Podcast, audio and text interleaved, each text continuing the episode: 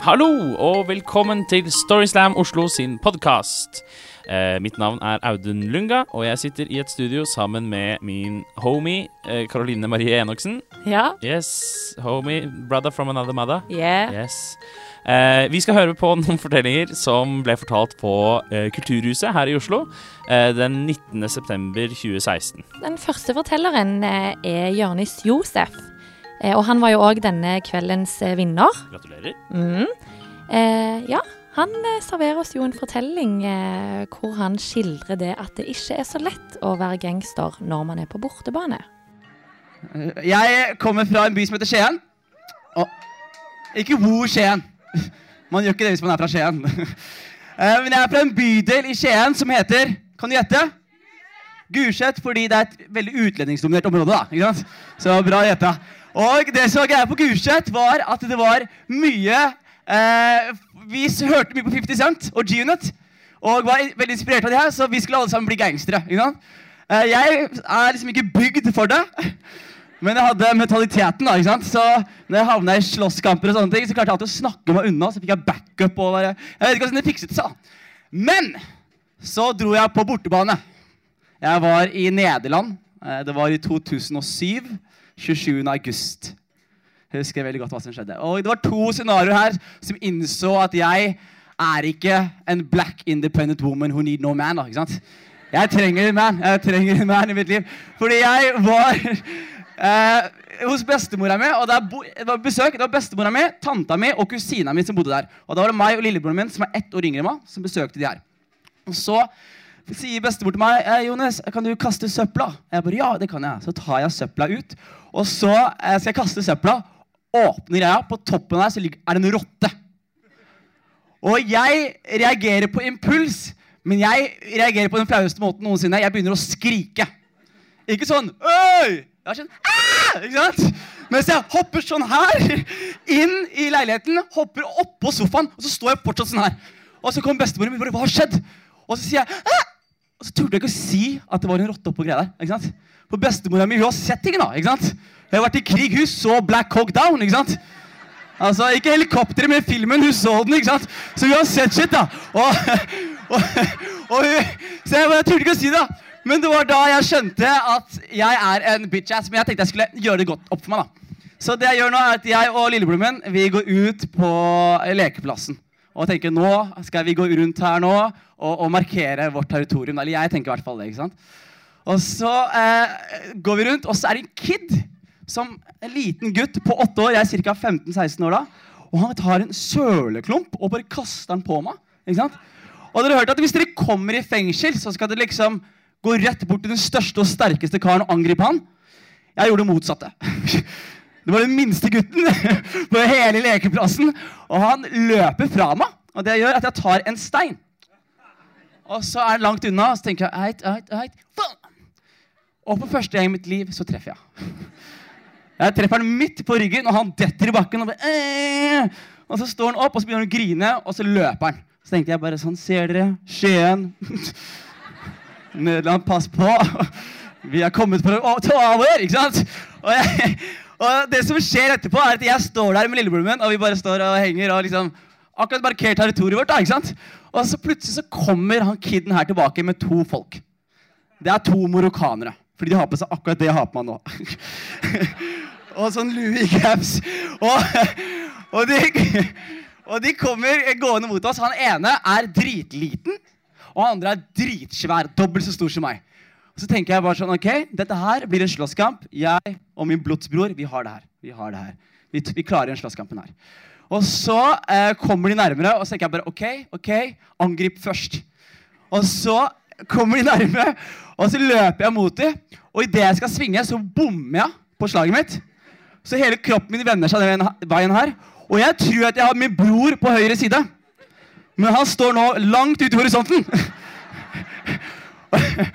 og han står ikke sånn her, som en fyr som har tenkt å backe deg opp. Han sto sånn her. Det er en fyr som har tenkt å vitne jævlig bra, det. Ikke sant? og han bare står sånn her. Og så tenker jeg bare sånn, ok, det er ikke bra. Men så snur jeg meg rundt tilbake igjen, og da har han store fyren truffet meg med et slag. Og det jeg gjør på vei ned, er at jeg tar tak i han lille fyren. Og så holder jeg han, Og jeg, jeg vet ikke helt hva jeg skal med han. Men jeg holder den i hvert fall. ikke sant? Og så eh, faller jeg i bakken, og så drar de meg bort. Og så eh, får jeg slag på slag, og det er veldig rart for meg, fordi jeg har ikke fått så mange slag før. Og det som skjer nå, er at de gutta her roper 'jalla'! Så ser jeg til venstre, altså ikke frivillig, jeg ble slått til venstre. og i horisonten så ser jeg nå fire morokanere til som har på seg sånn her som kommer. Som om de gutta her ikke hadde kontroll på situasjonen. da. Og, de kommer løpende bort til der her, og så ser jeg fortsatt broren min, og han bare sånn OK, fire til, ja. Det er bra. det er bra. Jeg vet ikke om det er det han gjorde, men det er i hvert fall det inntrykket jeg satt med. Er du så, Syns historien er så dårlig? Å ja, tiden var igjen, ja.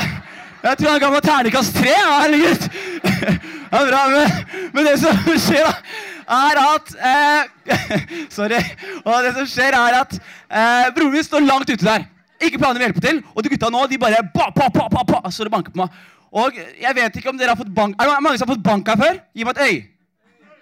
Det vi vet, som ikke dere vet, da, er at når du får bank av mange mennesker, så kjenner du ikke noe per slag. Du kjenner bare sånn Hodet går den og den veien mens du tenker Jeg har hjernerystelse som faen, altså. Det er ikke bra. Og jeg får juling som faen, og det de gutta her plutselig gjør nå Eller Først så kommer det en dame gående forbi. Helt sant, igjen. Hun er hollender, og hun går forbi. Og nå står det fire gutter rundt meg. Jeg ser ut som mikrofonstativet her. Jeg gjør faktisk det på ekte også. Og de står og bare sparker rundt meg. Og dama kommer her. Så tar jeg tak i veska hennes og så sier jeg det mest patetiske jeg har sagt i mitt liv. Help me! Og jeg vet ikke om hun dama her har sett mange slåsskamper før, for hun gjør sånn Og så går hun videre. Og da var faen jeg i gettoen, ass. og, og, og, det som skjer nå, er at gutta fortsetter å hamle løs på meg. Pam, pam, pam, og så tar han ene fyren, største av de, tar tak i eh, en, eh, sykkelkurven. Og idet han løfter sykkelkurven, så går ting i slow motion. Ikke sånn fet slow motion, men mer som Å, jeg har aldri blitt slått med et sykkelkurv før. Ikke sant? Og de bare smekker meg over ansiktet. Og så får jeg sånne vaffelmerker på halve ansiktet mitt. Og så lager lillebror min lyd. vet Han kommer rolig bak meg og bare sånn Jonis, abai mekena. Som på somalisk betyr Jonis, skal jeg hente kusina vår? Det var da jeg innså Tøgleif er ikke for meg. Ikke stol på noen. Ikke selg din egen bror, og hold deg på hjemmebane. Folkens, tusen takk for meg. Takk til Jørnis Josef. Det er jo ikke alle forunt å være like mye gangster som det du og jeg er, Karoline. Nei. Nah, this thug life ain't for everybody. You know? Mo money, mo problems. Ja, yeah. Eh, neste forteller fortalte også om eh, smertefulle eventyr ute i Europa. Eh, her kommer Ingrid Haugen, og ja, historien om da hun skulle til tannlegen på Balkan. Jeg har ikke alltid vært like vakker.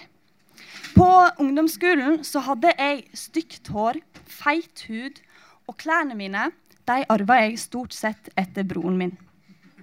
Men det er én ting jeg alltid har vært stolt over. En ting som har holdt motet mitt oppe i sjøl de mørkeste stundene.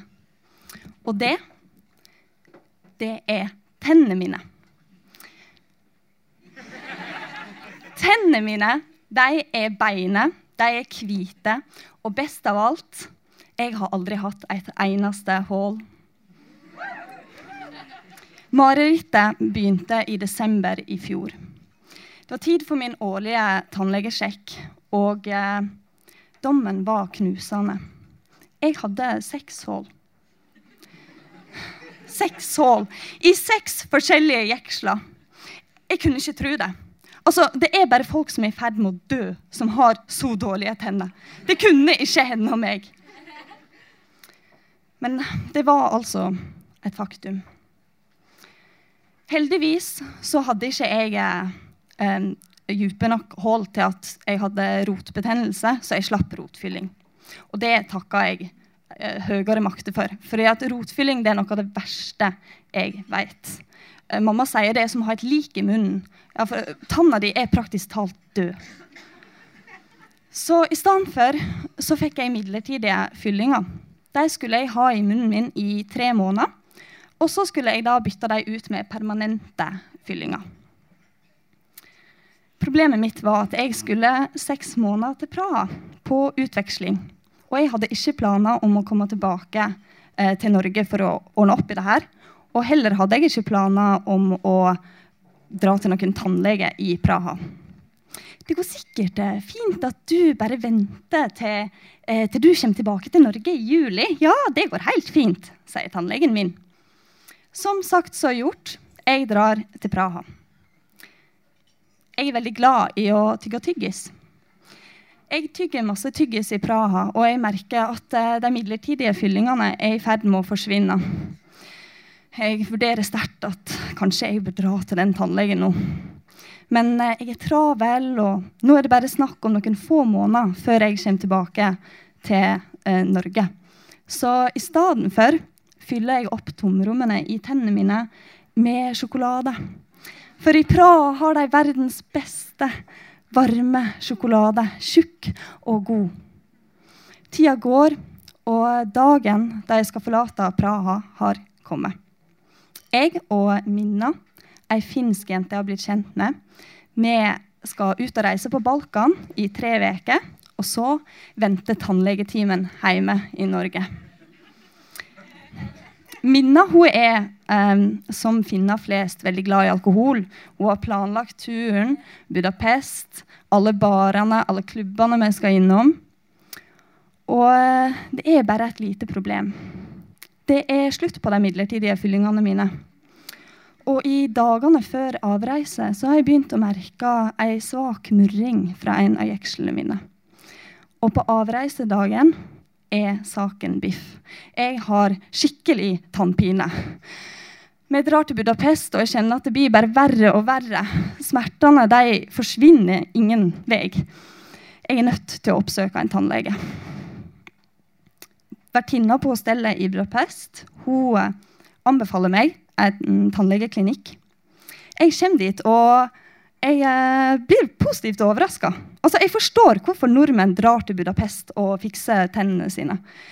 Det er en kosmetisk tannlege med falske potteplanter, stearinlys og en um, um, Alle tannlegene der de snakker flytende engelsk, så det her går som en drøm. Jeg setter meg ned i stolen, det blir tatt røntgenbilde, og så sier tannlegen i think we have to do a root canal treatment on your tooth. Lik er det første ordet som dukker opp i hodet mitt. Nei, det kommer ikke på tale. Vet du hva?